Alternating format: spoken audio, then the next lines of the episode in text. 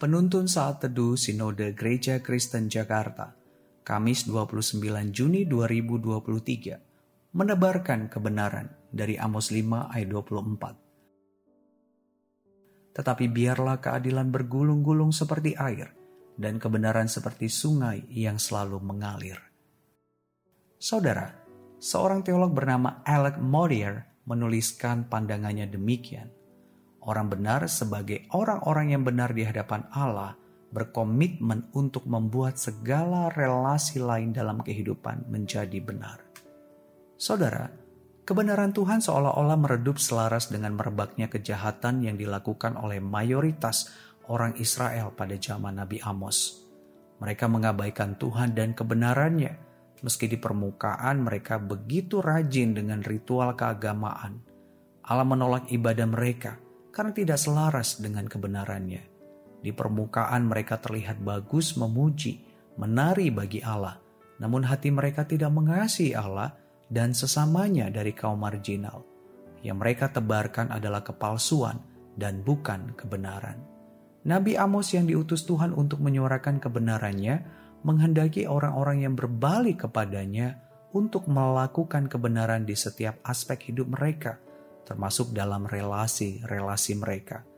Kebenaran yang dimaksudkan di sini merujuk pada relasi yang benar dengan Allah yang diaplikasikan dalam kehidupan sehari-hari, seperti membangun relasi dalam keluarga, masyarakat, dengan kemurahan dan kerendahan hati. Mereka yang berbalik kepada Allah adalah orang-orang yang mengaplikasikan identitas diri mereka sebagai umat Allah yang menebarkan kebenaran di setiap relasi yang mereka bangun Ketika mereka berada di rumah maupun lingkungan masyarakat yang lebih luas, mereka akan menghormati keunikan dan perbedaan yang ada, melengkapi setiap kekurangan orang-orang di sekitar mereka. Selain itu, dengan hikmat Tuhan, mereka menyuarakan kebenaran tatkala ada kesalahan yang terjadi. Saudara, kasih karunia Allah yang kita terima di dalam dan melalui Kristus Yesus mengubahkan identitas kita menjadi umat Allah yang dibenarkan di hadapannya. Kita dituntun oleh roh kebenaran untuk menaati kebenaran Tuhan dan menebarkannya ke dalam relasi-relasi kita.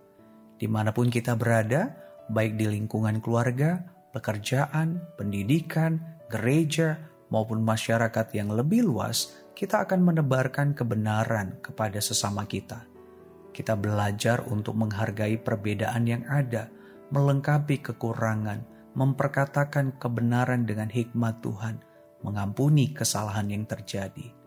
Terlepas bisa saja kita disalah mengerti, namun kita terus berjuang untuk menebarkan kebenaran demi kemuliaan Allah disaksikan. Murid Kristus sejati selalu menebarkan kebenaran di setiap relasinya dan menolak kecurangan terhadap sesamanya. Tuhan Yesus memberkati.